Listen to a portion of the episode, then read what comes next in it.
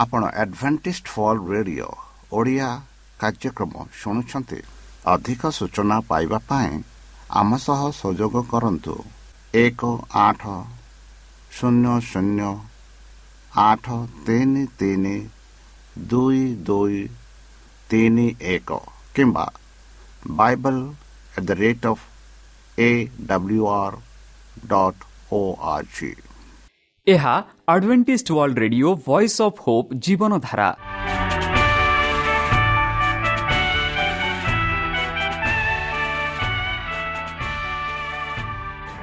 Odia radio କାର୍ଯ୍ୟକ୍ରମ ଯାହା ଆମର ଆନ୍ତର୍ଜାତୀୟ ଆଘାତ କେନ୍ଦ୍ରରୁ ପ୍ରସାରଣ କରାଯାଉଛି ପ୍ରତିଦିନ ରାତି ନଅଟା ତିରିଶ ମିନିଟ୍ରେ ମୁଁ ସୁବ୍ରତ କୁମାର ପତି ପ୍ରେମର ସହ ଆପଣମାନଙ୍କୁ ଏହି କାର୍ଯ୍ୟକ୍ରମକୁ ସ୍ୱାଗତ କରୁଅଛି ଚାଲନ୍ତୁ ଆଜିର ତିରିଶ ମିନିଟ୍ର କାର୍ଯ୍ୟକ୍ରମ ବିଷୟରେ ଜାଣିନେବା ପ୍ରଥମେ ରଖିଛୁ ଆଧ୍ୟାତ୍ମିକ ଭକ୍ତିମୟ ଗୀତ। ଏହାପରେ ଶୁଣିବା ସ୍ୱାସ୍ଥ୍ୟ ବିଷୟରେ ଯାହା ଆମର ଦୈନିକ ଜୀବନରେ ଅତ୍ୟନ୍ତ ଜରୁରୀ। ଆଉ ପରିଶେଷରେ ଶୁଣିବା ପରମେଶ୍ୱରଙ୍କ ଭକ୍ତଙ୍କଠାରୁ ଜୀବନଦାୟକ ଈଶ୍ୱରଙ୍କ ବାକ୍ୟ। ପ୍ରିୟ ଶ୍ରୋତା ତାହେଲେ ଚାଲନ୍ତୁ ଶୁଣିବା ଏକ ଆଧ୍ୟାତ୍ମିକ ଭକ୍ତିମୟ ଗୀତ।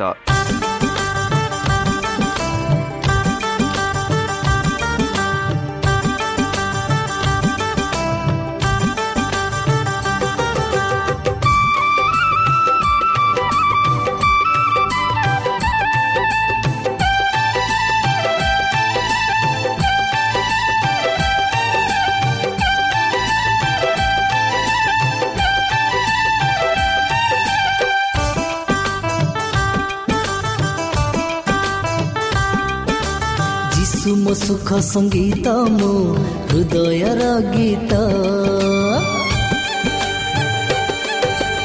सुम सुख सङ्गीत म हृदय र गीत। जिसु मु कति पाथारे म सत्य शाश्वत। आशा सिन्धुका प्रीति र महका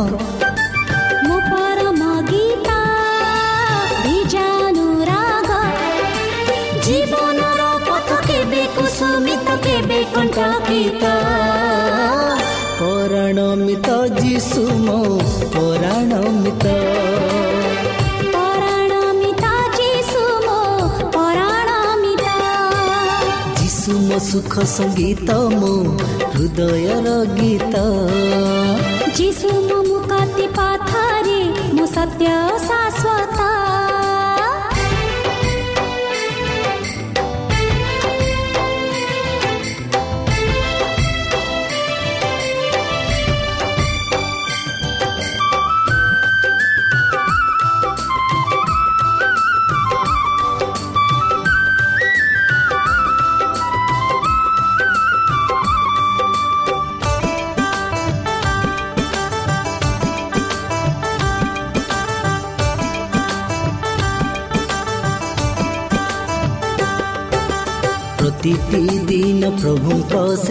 ପ୍ରେମ ଉପହାର ଅର ପିତାଙ୍କୁ ସବୁ କିଛି ମୁଁ କରିବି ପ୍ରଶଂସା ଗାନ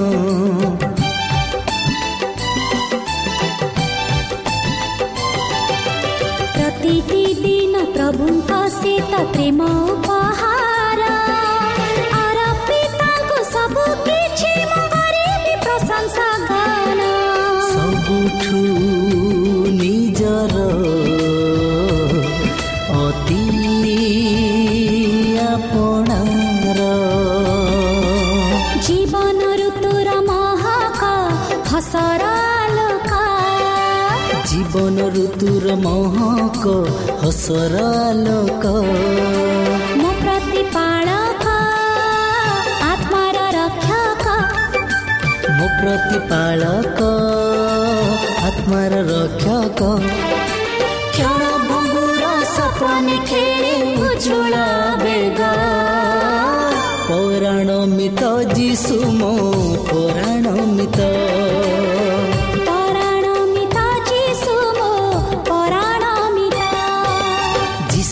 ସୁଖ ସଙ୍ଗୀତ ମୋ ହୃଦୟର ଗୀତ।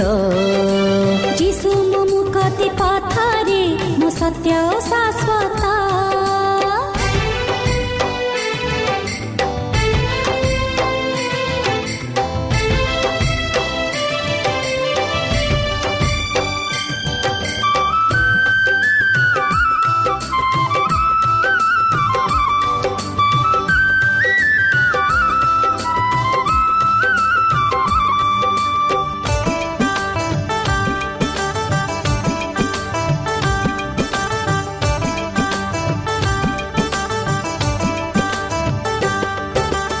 ଅଜଣା ବାଟେ ଚାଲେ ମଣିଷ ସତକୁ ପଛେ ପକେଇ ଅନ୍ଧାରେ ପୁଣି କେବେ ସେ ଖୋଜେ ନିଜକୁ ହଜେଇ ଦେ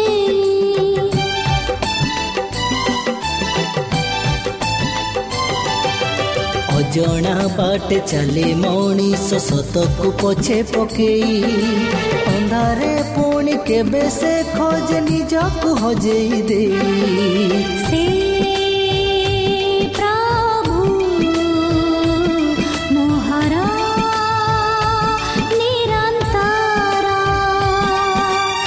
ଯୀଶୁଙ୍କ ପାଇଁ ମୁଁ ତୃଷିତ ଚାହେଁ ଅବିରତ ଯୀଶୁଙ୍କ ପାଇଁ ମୁଁ ତୃଷିତ ଚାହେଁ ଅବିରତ ସ୍ୱର୍ଗ ଆହାର ଚିର ସହଚର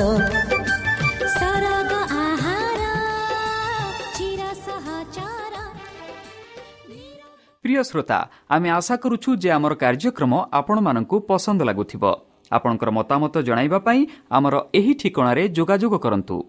ଆମ ଠିକଣା Adventist media centre S D A mission compound Salisbury park Pune ଚାରି ଏକ ଏକ ଶୂନ ତିନି ସାତ ମହାରାଷ୍ଟ୍ର। ବା ଖୋଲନ୍ତୁ ଆମର ୱେବସାଇଟ୍ ଯେକୌଣସି Android phone smartphone desktop laptop କିମ୍ବା ଟ୍ୟାବ୍ଲେଟ୍ ଆମର website W W W dot A A W R dot O O R G slash O R I ଏବଂ W W W dot Adventist media centre India dot O R G ବର୍ତ୍ତମାନ ଚାଲନ୍ତୁ ଶୁଣିବା ଈଶ୍ୱରଙ୍କ ଭକ୍ତଙ୍କଠାରୁ ଈଶ୍ୱରଙ୍କ ଜୀବନଦାୟକ ବାକ୍ୟ। ନମସ୍କାର ପ୍ରିୟ ଶ୍ରୋତା। ସେହି ସର୍ବଶକ୍ତି ସର୍ବଜ୍ଞାନୀ ପ୍ରେମର ସାଗର ଦୟାମୟ ଅନ୍ତର୍ଜମୀ ଅନୁଗ୍ରହ ପରମ ପିତାଙ୍କୁ ମଧୁର ନାମରେ ମୁଁ ପାଷ୍ଟ ପୂର୍ଣ୍ଣଚନ୍ଦ୍ର ଆଉ ଥରେ ଆପଣମାନଙ୍କୁ ଏହି କାର୍ଯ୍ୟକ୍ରମରେ ସ୍ୱାଗତ କରୁଅଛି। ସେହି ସର୍ବଶକ୍ତି ପରମେଶ୍ୱର ଆପଣମାନଙ୍କୁ ଆଶୀର୍ବାଦ କରନ୍ତୁ। ଆପଣଙ୍କୁ ସମସ୍ତ ପ୍ରକାର ଦୁଃଖ କଷ୍ଟ ବାଧା କ୍ଲେଶ ଓ ରୋଗରୁ ଦୂରେଇ ରଖନ୍ତୁ। ଶତ୍ରୁ ସୈତାନ ହସ୍ତରୁ ସେ ଆପଣମାନଙ୍କୁ ସୁରକ୍ଷାରେ ରଖନ୍ତୁ। ତାହାଙ୍କ ପ୍ରେମ ତାହାଙ୍କ ସ୍ନେହ ତାହାଙ୍କ କୃପା ତାହାଙ୍କ ଅନୁଗ୍ରହ ସଦାସର୍ବଦା ଆପଣଙ୍କଠାରେ ସହବର୍ତ୍ତୀ ରହୁ। ପ୍ରିୟ ସତା ଚାଲନ୍ତୁ ଆଜି ଆମେ କିଛି ସମୟ ପବିତ୍ର ଶାସ୍ତ୍ର ବାଇବଲଠୁ ତାହାଙ୍କ ଜୀବନଦାୟକ ବାକ୍ୟ ଧ୍ୟାନ କରିବା। ଆଜିର ଆଲୋଚନା ହେଉଛି ପ୍ରେମୀୟ ଈଶ୍ୱର। ଯେପରିକି ପ୍ରଥମ ଜହନ ଚାରି ସାତ ଆଠରେ ଆମେ ଦେଖୁଅଛୁ ହେ ପ୍ରିୟମାନେ ଆସ। ଆମ୍ଭେମାନେ ପରସ୍ପରକୁ ପ୍ରେମ କରୁ କାରଣ ପ୍ରେମ ଈଶ୍ୱରଙ୍କ ଠାରୁ ଜାତ। ଆଉ ଯେ କେହି ପ୍ରେମ କରେ ସେ ଈଶ୍ୱରଙ୍କ ଠାରୁ ଜାତ ଓ ଈଶ୍ୱରଙ୍କୁ ଜାଣେ। ଯେ ପ୍ରେମ କରେ ନାହିଁ ସେ ଈଶ୍ୱରଙ୍କୁ ଜଣେ ନାହିଁ କାରଣ ଈଶ୍ୱର ତ ପ୍ରେମ ବନ୍ଧୁ ଈଶ୍ୱର ତ ପ୍ରେମ। ପ୍ରେମ ହେଉଛି ଏକ ଜ୍ୟୋତି ଯାହା ଗରମ ହୁଏ ଏକ ଆଲୋକ ଯାହା ଉଜ୍ଜଳ ଏକ ତମ୍ବୁର ଯାହା ଆକର୍ଷିତ କରେ। ଏକ ସୁଗନ୍ଧ ଯାହା ସତେଜ କରେ। ଏକ କପ୍ ଯାହା ଖୁସି କରେ। ଏକ ପର୍ବତ ଯାହା ସହିଥାଏ ଏକ ହସ ଯାହା ପ୍ରକାଶ କରେ। ବନ୍ଧୁ ଯେତେବେଳେ ଆପଣ ପ୍ରେମ ଦେଖନ୍ତି ଆପଣ ଏହାକୁ ଜାଣନ୍ତି। ଯେତେବେଳେ ଆପଣ ଏହାକୁ ଅନୁଭବ କରନ୍ତି ଆପଣ ଏହାକୁ ଚିହ୍ନିଥାନ୍ତି। ଯେତେବେଳେ ଆପଣଙ୍କର ଏହାର ଅଭାବ ଥାଏ ଆପଣ ଏହା ଆବଶ୍ୟକ କରନ୍ତି ଏବଂ ଏହା ଚାହାନ୍ତି। ଯେତେବେଳେ ତୁମେ ଧର୍ମାନ୍ତରଣ ନୂତନ ଜନ୍ମ ଅନୁଭବ କର ତୁମ୍ଭେ ପରମେଶ୍ୱରଙ୍କ ପ୍ରତି ଏବଂ ତୁମ୍ଭର ସମସ୍ତ ଜଗତ ପ୍ରତି ପ୍ରେମର ଏକ ନୂତନ ଜନ୍ମ ଅନୁଭବ କର। ଈଶ୍ୱର ହେଉଛନ୍ତି ବ୍ରହ୍ମାଣ୍ଡ ପାଇଁ ଜୀବନ। ଆଲୋକ ଓ ଆନନ୍ଦର ଭର୍ଷା। ସୂର୍ଯ୍ୟଙ୍କ ଆଲୋକ ରଶ୍ମି ପରି ଜୀବନ୍ତ ଝରଣାରୁ ପ୍ରବାହିତ ହେଉଥିବା ପାଣିର ଝରଣା ପରି ତାଙ୍କ ଠାରୁ ତାଙ୍କର ସମସ୍ତ ପ୍ରାଣୀମାନଙ୍କ ଆଶୀର୍ବାଦ ପ୍ରବାହିତ ହୁଏ। ଯେତେବେଳେ କୃଷ୍ଣଙ୍କ ପ୍ରେମ ହୃଦୟରେ ସ୍ଥାପିତ ହୁଏ ମଧୁର ସୁଗନ୍ଧ ପରି ଏହାକୁ ଲୁଚାଇ ରଖାଯାଇ ପାରିବ ନାହିଁ। ଏହା ପବିତ୍ର ପ୍ରଭାବ ଆମେ ଯେଉଁମାନଙ୍କ ସଂସ୍ପର୍ଶରେ ଆସିବୁ ସମସ୍ତେ ଅନୁଭବ କରିବେ। ଯୀଶୁଙ୍କ ପ୍ରତି ପ୍ରେମ ମାନବିକତାର ଆଶୀର୍ବାଦ ଏକ ଏବଂ ଉନ୍ନତି ପାଇଁ ଯୀଶୁ ଯେପରି କାର୍ଯ୍ୟ କରିଥିଲେ ସେହିଭଳି କାର୍ଯ୍ୟ କରିବାର ଉଚ୍ଛାରେ ପ୍ରବେଶ ପାଇବା। ଏହା ଆମର ସ୍ୱର୍ଗୀୟ ପିତାଙ୍କ ଯତ୍ନର ସମସ୍ତ ପ୍ରାଣୀଙ୍କ ପ୍ରତି ପ୍ରେମ କୋମଳତା ଏବଂ ସହାନୁଭୂତି ଆଣିବ। ବନ୍ଧୁ ପ୍ରେମ ହେଉଛି ଈଶ୍ୱରଙ୍କର ପ୍ରକୃତି। ସେ ଯାହା ବି କରନ୍ତି ତାହା ପ୍ରେମ ଦ୍ୱାରା ପ୍ରେରିତ ହୋଇଥାଏ। ଆମେ ତାହାଙ୍କ ସମସ୍ତ କାର୍ଯ୍ୟରେ ତାହାଙ୍କ ପ୍ରେମ ଦେଖିପାରିବା। ତାଙ୍କର ଚମତ୍କାର ପ୍ରେମ ଆମ ବିଷୟରେ ଦୁନିଆର ଜିନିଷ ଏବଂ ଉପର ଆକାଶର ଅସୀମ ବିସ୍ତାରରେ ପ୍ରକାଶ ପାଇଥାଏ। ଯଦି ଆମେ ପ୍ରେମ ଦେଖୁ ତେବେ ଈଶ୍ୱରଙ୍କୁ ଦେଖିବା ଉଚିତ ଈଶ୍ୱରଙ୍କୁ ନ ଦେଖି କେହି ପ୍ରେମ ଦେଖାଇ ପାରିବ ନାହିଁ ବନ୍ଧୁ। ଯେଉଁମାନେ ଈଶ୍ୱରଙ୍କ ସ୍ପର୍ଶକୁ ଅନୁଭବ କରନ୍ତି ସେମାନେ ପ୍ରେମର ସ୍ପର୍ଶକୁ ଅନୁଭବ କରନ୍ତି। ବନ୍ଧୁ ମଣିଷର ଦୃଷ୍ଟି ଶକ୍ତି ସୀମିତ ହୋଇଥିବାର ଆମେ ସବୁବେଳେ ପ୍ରେମରୁ ଈଶ୍ୱରଙ୍କ ମାର୍ଗରେ ଦେଖୁନାହୁଁ। ପିଲାମାନେ ସର୍ବଦା ନିଜ ପିତା ମାତାଙ୍କର ପ୍ରେମକୁ ସର୍ବଶ୍ରେଷ୍ଠ ଜ୍ଞାନ ଏବଂ ଅତ୍ୟନ୍ତ କୋମଳ ଚିନ୍ତାର କାର୍ଯ୍ୟରେ ଅନୁଭବ କରନ୍ତି ନାହିଁ। ଆମ ଆଖି ଯେତେ ସମ୍ପୂର୍ଣ୍ଣ ଭାବରେ ଦେଖାଯାଏ ଏବଂ ଆମର ବୁଝାମଣା ଯେତେ ବ୍ୟାପକ ହେବ ଆମେ ସେତେ ସ୍ପଷ୍ଟ ଭାବରେ ଦେଖିପାରିବା ଯେ ଈଶ୍ୱର ପ୍ରକୃତରେ ପ୍ରେମ ଅଟନ୍ତି। ଯଦି ପ୍ରେମର ଦେବତା ନଥାନ୍ତେ ତେବେ ସଂସାର ନଥାନ୍ତା ଏବଂ ଏଥିରେ ବାସ କରୁଥିବା କେହି ନଥାନ୍ତେ। ଯଦି ଈଶ୍ୱର ପ୍ରେମର ପ୍ରାଣୀ ନଥାନ୍ତେ ତେବେ ସେ ଅସୀମ ଜ୍ଞାନ ଓ ଶକ୍ତିର ପ୍ରତିମୂର୍ତ୍ତି ହୋଇନଥାନ୍ତେ ପରମେଶ୍ୱରଙ୍କ ଶକ୍ତି ସର୍ବଦା ଏବଂ କେବଳ ପ୍ରେମରେ ପ୍ରୟୋଗ କରିଥାଏ। ପରମେଶ୍ୱରଙ୍କ ଜ୍ଞାନ ଆମକୁ ପ୍ରକୃତରେ ଖୁସି କରିବା ପାଇଁ ନିରନ୍ତର ପ୍ରେମର ନିଜକୁ ପ୍ରଦର୍ଶିତ କରେ। ପ୍ରେମ ବ୍ୟକ୍ତିଗତ ଅଟେ। ଏଥିରେ କେହି ଭଲ ପାଉଥିବା କାହା ସହିତ ସେୟାର କରିବାକୁ ହେବ? ଯେ ପର୍ଯ୍ୟନ୍ତ ଏହା ଅନ୍ୟାନ୍ୟ କଲ୍ୟାଣ ପାଇଁ ସଚୋଟ ନିତାନ୍ତର ନିଜକୁ ଖର୍ଚ୍ଚ କରିପାରିବ ନାହିଁ। ସେ ପର୍ଯ୍ୟନ୍ତ ଏହା ଖୁସି ନୁହେଁ ଏବଂ ଏହା ପ୍ରେମ ନୁହେଁ। ପ୍ରେମ ପ୍ରେମକୁ ଇଚ୍ଛା କରେ ଏବଂ ପ୍ରେମ ସୃଷ୍ଟି କରେ। ଏହା ଯେତେ ଅଧିକ ପ୍ରକାଶ ପାଇବ ଖୁସି ସୁଖ ଓ ପ୍ରେମର ଚକ୍ର ସେତେ ବ୍ୟାପକ ହେବ। ବନ୍ଧୁ ଆମର ସମସ୍ତ ସର୍ବୋଚ୍ଚ ଗୁଣ ପ୍ରେମ କାରଣରୁ ଏବଂ ସେଥିପାଇଁ ଈଶ୍ୱରଙ୍କ କାରଣରୁ ହୋଇଥାଏ। ନିଷ୍ପର୍ଥ ସତ୍ୟତା ସହାନୁଭୂତି ନ୍ୟାୟ ଭଲ ପାଇବା ଏବଂ ଦୟା ସମସ୍ତେ ପ୍ରେମରୁ ଆସିଥାଏ ଏବଂ ଏହା ବିନା ରହିପାରିବା ନାହିଁ। ଏହି ଗୁଣଗୁଡ଼ିକ ଈଶ୍ୱରଙ୍କ ଠାରେ ସେମାନଙ୍କ ପୂର୍ଣ୍ଣ ଅଭିବ୍ୟକ୍ତି ପାଇଥାଏ। ସେ ଦୟାଳୁ ଏବଂ ଦୟାଳୁ ଦୀର୍ଘ କାଳୀନ କାଳୀନ ଏବଂ ଭଲ ଓ ସତ୍ୟରେ ପ୍ରଚୁର ଅଟନ୍ତି। ଏହିପରି ଆମେ ଯାତ୍ରା ପୁସ୍ତକ ଚଉତିରିଶ ଛଅରେ ପାଉଅଛୁ ବନ୍ଧୁ ପରମେଶ୍ୱରଙ୍କ ଆଜ୍ଞା ପାଳନ କରିବା ଆମର କର୍ତ୍ତବ୍ୟ ହେଉଛି ଜଗତ ପ୍ରତି ଦୟାର ଏହି ଶେଷ ବାର୍ତ୍ତାର ଭୋଜ ହେବ। ଈଶ୍ୱରଙ୍କ ନିୟମ ନୂଆ କଥା ନୁହେଁ ଏହା ପବିତ୍ରତା ସୃଷ୍ଟି ନୁହେଁ ବରଂ ପବିତ୍ରତା ବିଷୟରେ ଜଣାପଡ଼ୁଛି ଏହା ହେଉଛି ଦୟା ଭଲ ଏବଂ ପ୍ରେମକୁ ପ୍ରକାଶ କରୁଥିବା ନୀତିର ଏକ କୋଡ୍।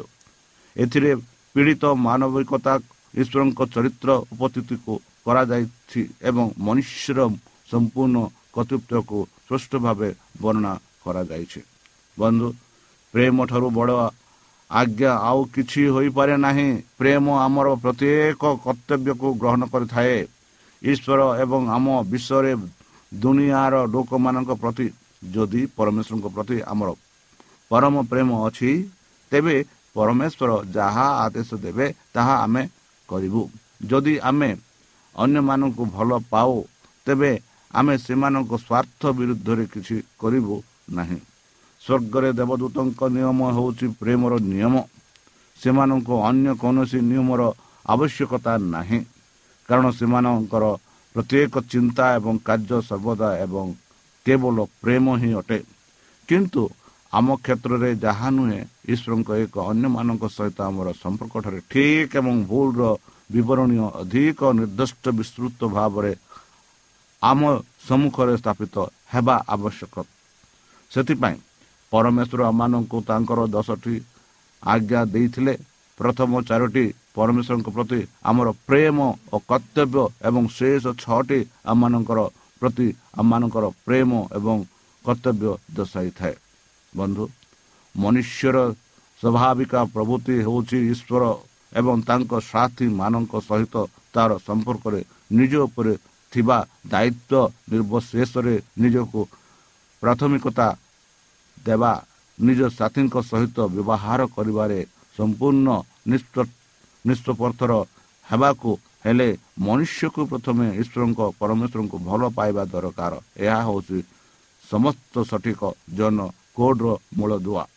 ବନ୍ଧୁ ଆମ ଜୀବନରେ ଈଶ୍ୱରଙ୍କର ରକ୍ଷା କାର୍ଯ୍ୟ ଈଶ୍ୱରଙ୍କ ସହିତ ଆମର ସମ୍ପର୍କ ଆଧାର ଅଟେ ବୋଲି ଦ୍ୱିତୀୟ ବିବରଣୀ ଛଅ ପାଞ୍ଚ ଆଉ ଯାତ୍ରା ପୁସ୍ତକ କୋଡ଼ିଏ ଦୂରେ ଆମେ ଦେଖୁଅଛୁ ପରମେଶ୍ୱର ଇସ୍ରାଏଲଙ୍କୁ ଏକ ଶକ୍ତିଶାଳୀ ହାତ ହାତରେ ମିଶ୍ରରୁ ବାହାର କଲେ।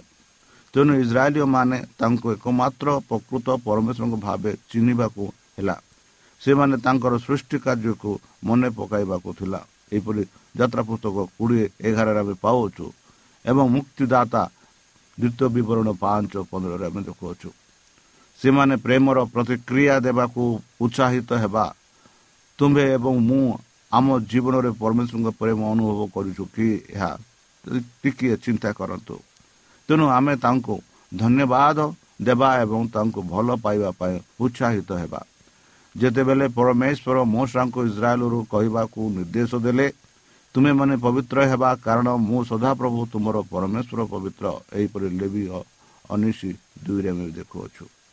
ବନ୍ଧୁ ଏହାର ଗୋଟିଏ ବିଶେଷତ୍ୱ ଥିଲା ତୁମ୍ଭେ ତୁମର ପଡ଼ୋଶୀଙ୍କୁ ତୁମ ପରି ଭଲ ପାଇବା ପ୍ରେମ କରିବା। ଏହିପରି ଅଠର ପଦରେ ଆମେ ପାଉଛୁ କୃଷ୍ଣଙ୍କ ସମୟରେ ପ୍ରେମ ଯେତିକି ଗୁରୁତ୍ୱପୂର୍ଣ୍ଣ ଥିଲା ବନ୍ଧୁ ମୋଷାଙ୍କ ଦିନରେ ମଧ୍ୟ ସେତିକି ଗୁରୁତ୍ୱପୂର୍ଣ୍ଣ ଥିଲା। ଏହା ପରମେଶ୍ୱରଙ୍କ ନିୟମ ଆଧାର ବା ଆଜ୍ଞା ଆଧାର ଥିଲା। କାରଣ ଏହା ପରମେଶ୍ୱରଙ୍କ ଅନନ୍ତ ସିଂହାସନ ମୂଳଦୁଆ ଥିଲା. ପରମେଶ୍ୱର ତାହାଙ୍କ ପ୍ରେମକୁ ଅକଥନୀୟ ଉପାୟରେ ଦେଖାଇଛନ୍ତି ତାଙ୍କ ସୃଷ୍ଟି ଏବଂ ସଂରକ୍ଷଣ କାର୍ଯ୍ୟରେ ଅନନ୍ତ ଖୁସି ହେବାକୁ ଥିବା ପବିତ୍ର ପ୍ରାଣୀମାନଙ୍କୁ ଅସ୍ତିତ୍ୱର ଆଣିବାରେ ଅସୀମ ଜ୍ଞାନ ଏବଂ ପ୍ରେମ ଦ୍ୱାରା ଏକ ଅସୀମ ବ୍ରହ୍ମାଣ୍ଡକୁ ବଜାୟ ରଖିବାରେ କିନ୍ତୁ ପରମେଶ୍ୱରଙ୍କର ପ୍ରେମର ସବୁଠାରୁ ବଡ଼ ପ୍ରଦର୍ଶନ ଥିଲା ସେ ତାଙ୍କ ବିରୁଦ୍ଧରେ ବିଦ୍ରୋହ କରୁଥିବା ପାପୀମାନଙ୍କ ପ୍ରତି ଦେଖାଇଥିବା ପ୍ରେମ। କାରଣ ଯେତେବେଳେ ଆମେ ଶକ୍ତିଶାଳୀ ଥିଲୁ ଠିକ୍ ସେହି ସମୟରେ ଖ୍ରୀଷ୍ଟ ଧର୍ମ ପାଇଁ ମୃତ୍ୟୁବରଣ କଲେ ବୋଲି ରୋମିଓ ପାଞ୍ଚ ଛଅରେ ଆମେ ଦେଖୁଅଛୁ। ବନ୍ଧୁ ପାପୀମାନଙ୍କୁ ପ୍ରେମ ଦରକାର କିନ୍ତୁ ସେମାନେ ଏହାର ଯୋଗ୍ୟ ନୁହନ୍ତି। ସେମାନେ ଯାହା ପାଇବାକୁ ଯୋଗ୍ୟ ତାହା ହେଉଛି ମୃତ୍ୟୁ। କିନ୍ତୁ ମୃତ୍ୟୁରୁ ହିଁ ପରମେଶ୍ୱର ସେମାନଙ୍କୁ ରକ୍ଷା କରିବା ଉଦ୍ଦେଶ୍ୟ ରଖିଛନ୍ତି। କେବଳ ପ୍ରେମ ହିଁ ସେହି ଉଦ୍ଦେଶ୍ୟକୁ ପ୍ରୋତ୍ସାହିତ କରିପାରନ୍ତି କରିପାରିଥାନ୍ତା। ନ୍ୟାୟ ଦାବି କଲା ଯେ ପାପୀମାନେ ମରିବା ଉଚିତ କିନ୍ତୁ ପରମେଶ୍ୱରଙ୍କ ପ୍ରେମ ଏକ ବିକଳ୍ପ ପ୍ରଦାନ କଲା।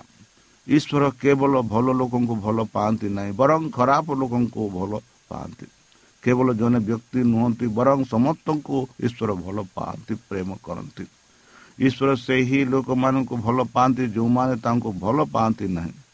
ଯେଉଁମାନେ ତାଙ୍କ ପ୍ରେମକୁ ପ୍ରତ୍ୟାଖ୍ୟାନ କରନ୍ତି ଏବଂ ତାଙ୍କ ଦ୍ୱାରୁ ପ୍ରୋତ୍ସାହିତ କରନ୍ତି ଯେଉଁମାନେ ଧାର୍ମିକତା ପରିବର୍ତ୍ତେ ପାପକୁ ଭଲ ପାଆନ୍ତି ଏବଂ ଯେଉଁମାନେ ଜୀବନ ଶୈଳୀ ପରିବର୍ତ୍ତେ ମୃତ୍ୟୁ ବାଟ ଛୟନ କରନ୍ତି ସେମାନଙ୍କୁ ସେ ଭଲ ପାଆନ୍ତି।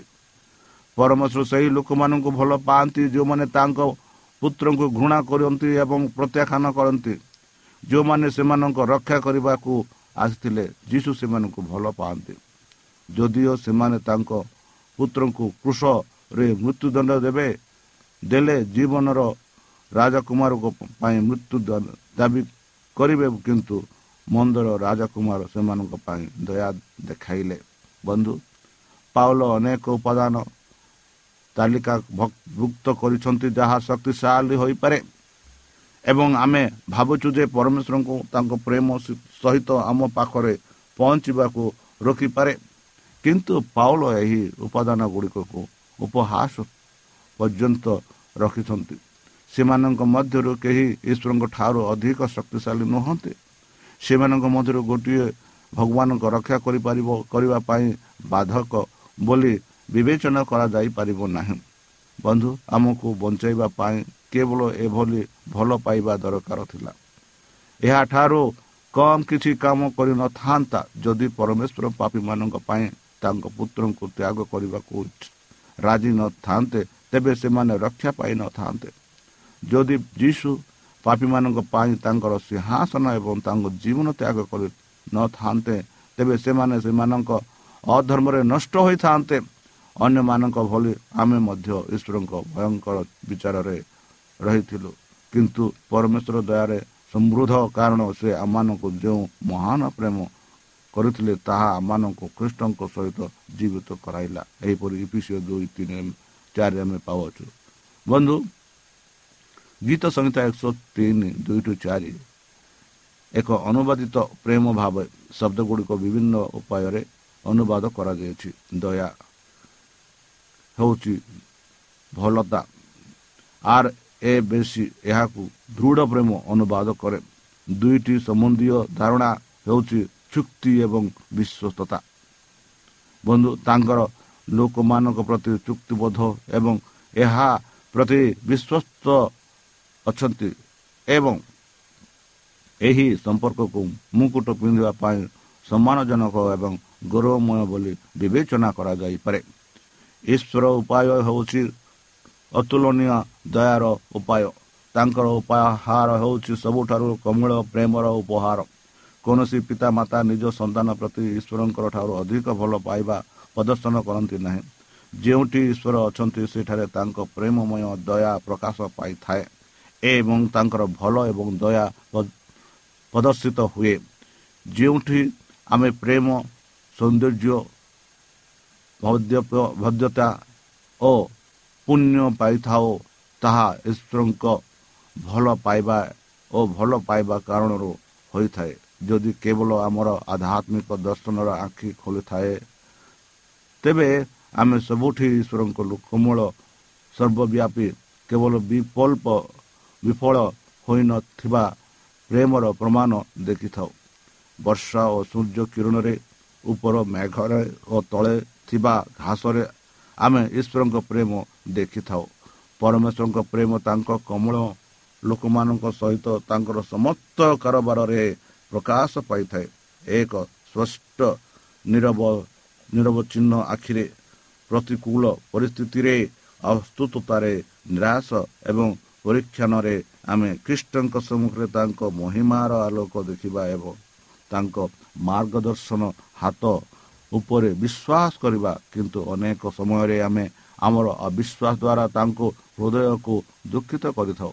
ବନ୍ଧୁ ଈଶ୍ୱରଙ୍କ ନିରପେକ୍ଷ କିମ୍ବା କ୍ଷୁଦ୍ର ନୁହନ୍ତି ଦୂରସ୍ଥ କିମ୍ବା ଦମନକାରୀ ନୁହନ୍ତି କିନ୍ତୁ ପବିତ୍ରତା ଓ ପ୍ରେମର ଜ୍ଞାନ ଓ ଶକ୍ତିର ପରମେଶ୍ୱର।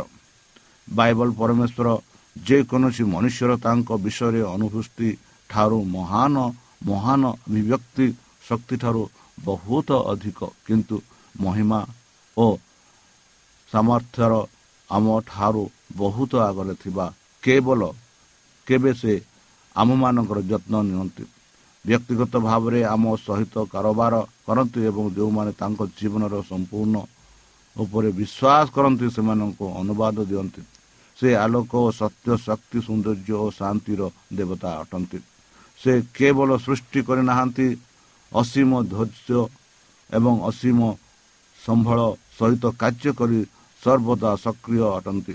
ଯେଉଁମାନେ ଏଭଳି ଈଶ୍ୱରଙ୍କୁ ସ୍ୱୀକାର କରନ୍ତି ତାଙ୍କୁ ଅପେକ୍ଷା କରନ୍ତି ତାଙ୍କ ସହିତ ରୁହନ୍ତି ଚିନ୍ତା ଓ ବାଣୀ ଓ କାର୍ଯ୍ୟରେ ତାଙ୍କର ଆଜ୍ଞା ମାନିଥାନ୍ତି ସେମାନଙ୍କୁ ଖୁସି ଦିଅନ୍ତି। ତାଙ୍କର ଶାନ୍ତି ସେମାନଙ୍କ ହୃଦୟରେ ତାଙ୍କର ସ୍ୱାଧୀନତା ଏବଂ ସେମାନଙ୍କ ମନରେ ଆନନ୍ଦ ଅତି ସେମାନଙ୍କ ପାଖରେ ତାଙ୍କର ସର୍ବଶକ୍ତି ଥାଏ। ବନ୍ଧୁ କାରଣ ପରମେଶ୍ୱର ଜଗତକୁ ଏତେ ଭଲ ପାଉଥିଲେ ଯେ ସେ ତାଙ୍କ ଏକମାତ୍ର ପୁତ୍ରକୁ ଦେଲେ। ଯିଏ ତାହାଙ୍କ ଉପରେ ବିଶ୍ୱାସ କରେ ସେ ନଷ୍ଟ ହେବ ନାହିଁ ବରଂ ଅନନ୍ତ ଜୀବନ ପାଇବ ବୋଲି ଆମେ ଜନ ତିନି ଷୋହଳରେ ଏକ ଅନୁବାଦିତ ବାକ୍ୟରେ ଆମେ ଦେଖୁଅଛୁ। କି ପରମେଶ୍ୱର ଜଗତକୁ ଏତେ ପ୍ରେମ କଲେ ବୋଲି। ଈଶ୍ୱରଙ୍କ ପ୍ରେମ ଜଣେ କାରିଗରଙ୍କ ପରି ପାଣି ମଡ଼ କରିବା ଆଶାରେ ଆମକୁ ସାପୁ ବୁଡ଼ିବାକୁ ପଡ଼ିବ ନାହିଁ। ପାଣି ଆଣିବା ପାଇଁ ଆମକୁ ବାଲଟି କିମ୍ବା ପମ୍ପର ଆବଶ୍ୟକତା ନାହିଁ। ଏକ ମୁକ୍ତ ଭାବରେ ପ୍ରବାହିତ ହୁଏ। ଏହାକୁ ବନ୍ଦ କରାଯାଇପାରିବ ନାହିଁ। ବାଇବଲରେ ଥିବା ଜଳର ପ୍ରତୀକ ପରମେଶ୍ୱରଙ୍କର ଉଦ୍ଧାର ଉଦାର ସତେଜ ଜୀବନଦାତା ସର୍ବଦା ପ୍ରବାହିତ ହେବ। କେବେ ବି ବିଫଳ ହୋଇପାରିବ ନାହିଁ। ପ୍ରେମର ଚିତ୍ର ଚିତ୍ରଣ କରେ। ଏହିପରି ଆମେ ଗୀତ ସଂହିତା ଏକ ତିନି ବିଷୟ ବାର ତିନି ଜହନ ଚାରି ଚଉଦ ଆଉ ପ୍ରକାଶିତ ବାଇଶ ସତରରେ ପାଉଅଛୁ। ବନ୍ଧୁ ଆମେ ସାଧାରଣତଃ ଆମ ପ୍ରେମରେ ଦେବ ଭାବ କରିଥାଉ କିନ୍ତୁ ଏହା ପରମେଶ୍ୱରଙ୍କ ବିଷୟରେ ସତ୍ୟ ନୁହେଁ ଏବଂ ଯେଉଁମାନେ ନିଜକୁ କୃଷ୍ଣଙ୍କ ବୋଲି ଦାବି କରନ୍ତି ସେମାନେ କ୍ଷେତ୍ରରେ ଏହା ସତ ହେବ ଉଚିତ ନୁହେଁ।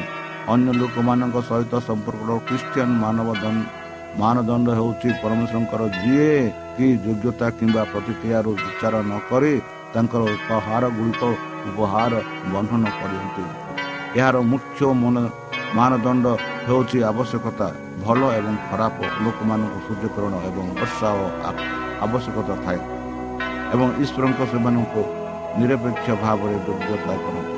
ବନ୍ଧୁ ସେହି ପରମେଶ୍ୱର ଜଗତକୁ ଏତେ ପ୍ରେମ କଲେ ଆଉ ଆପଣ ଜୀବନ ଆଣିଲେ। ତାହେଲେ ଚାଲନ୍ତୁ ତାଙ୍କ ପ୍ରେମକୁ ଆମେ ଗ୍ରହଣ କରିବା। ତାଙ୍କୁ ଆମେ ସ୍ୱୀକାର କରି ନିଜକୁ ଗ୍ରହଣ କରି। ନିଜ ପିତା ନିଜ ପ୍ରଭୁ ବିଷୟରେ ଆମେ ଗ୍ରହଣ କରି। ନିଜକୁ ସମର୍ପଣ ସମର୍ପଣ କରି ତାଙ୍କ ମଧୁର ନାମେ ପ୍ରାର୍ଥନା କରିବା। ହେ ଆମମାନଙ୍କ ସର୍ବଶକ୍ତି ସର୍ବଜ୍ଞାନୀ ପ୍ରେମର ସାଗର ଦୟାମୟ ଅନ୍ତର୍ଜମୀ ଅନୁଗ୍ରହ ପରମ ପିତା ଧନ୍ୟବାଦ ଅର୍ପଣ କରୁଛୁ ବର୍ତ୍ତମାନ ଯେଉଁ ବାକ୍ୟ। ଆମେ ତୁମ ଭକ୍ତଙ୍କଠାରୁ ଶୁଣିଲୁ ସେହି ବାକ୍ୟ ଗୁଡ଼ାକ ଆମ ଅନ୍ତରରେ ରଖିବା ପାଇଁ ଆମକୁ ସାହାଯ୍ୟ କର। ବୁଦ୍ଧିରେ ଜ୍ଞାନରେ ଶକ୍ତିରେ ପରିପୂର୍ଣ୍ଣ କର। ଆମ ପାପ ସବୁ ତୁମ ସେହି ବହୁମୂଲ୍ୟ ରଖରେ ପରିଷ୍କାର ରୂପେ ଧରିଦିଅ ଆଉ ପରିଶେଷ ଯେବେ ତୁମେ ସେହି ସହସ୍ର ଦୂତଙ୍କ ସହ ଆସିବେ ସେତେବେଳେ ଆମମାନଙ୍କୁ ଏକ ବାସ ଆଣିବେ ବୋଲି ପ୍ରାଣକର୍ତ୍ତା ପ୍ରଭୁ ଯୀଶୁଙ୍କ ମଧୁରମୟ ନାମରେ ଏହି ଛୋଟ ବିଜ୍ଞାନ ଅଛି ତୁମେ ଗ୍ରହଣ କର। ପ୍ରିୟ ଶ୍ରୋତା ଆମେ ଆଶା କରୁଛୁ ଯେ ଆମର କାର୍ଯ୍ୟକ୍ରମ ଆପଣମାନଙ୍କୁ ପସନ୍ଦ ଲାଗୁଥିବ।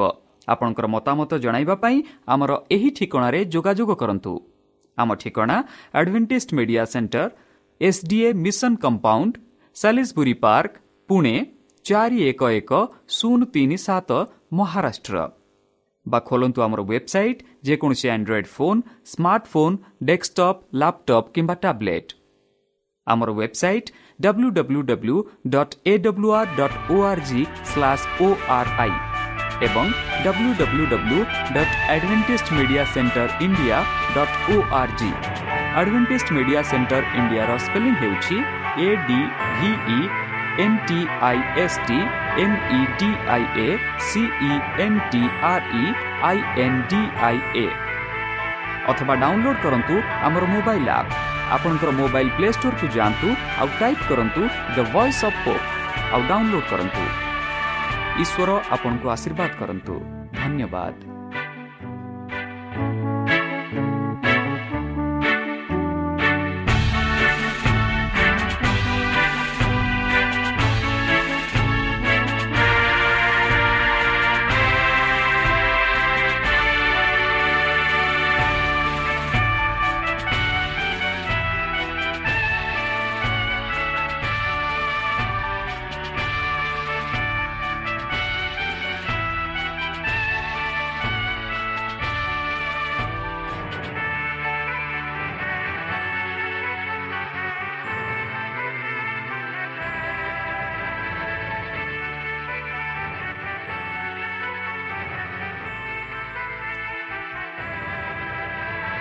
ଆପଣ ଆଡଭେଣ୍ଟିସ୍ଡ ଫଲ୍ ରେଡିଓ ଓଡ଼ିଆ କାର୍ଯ୍ୟକ୍ରମ ଶୁଣୁଛନ୍ତି।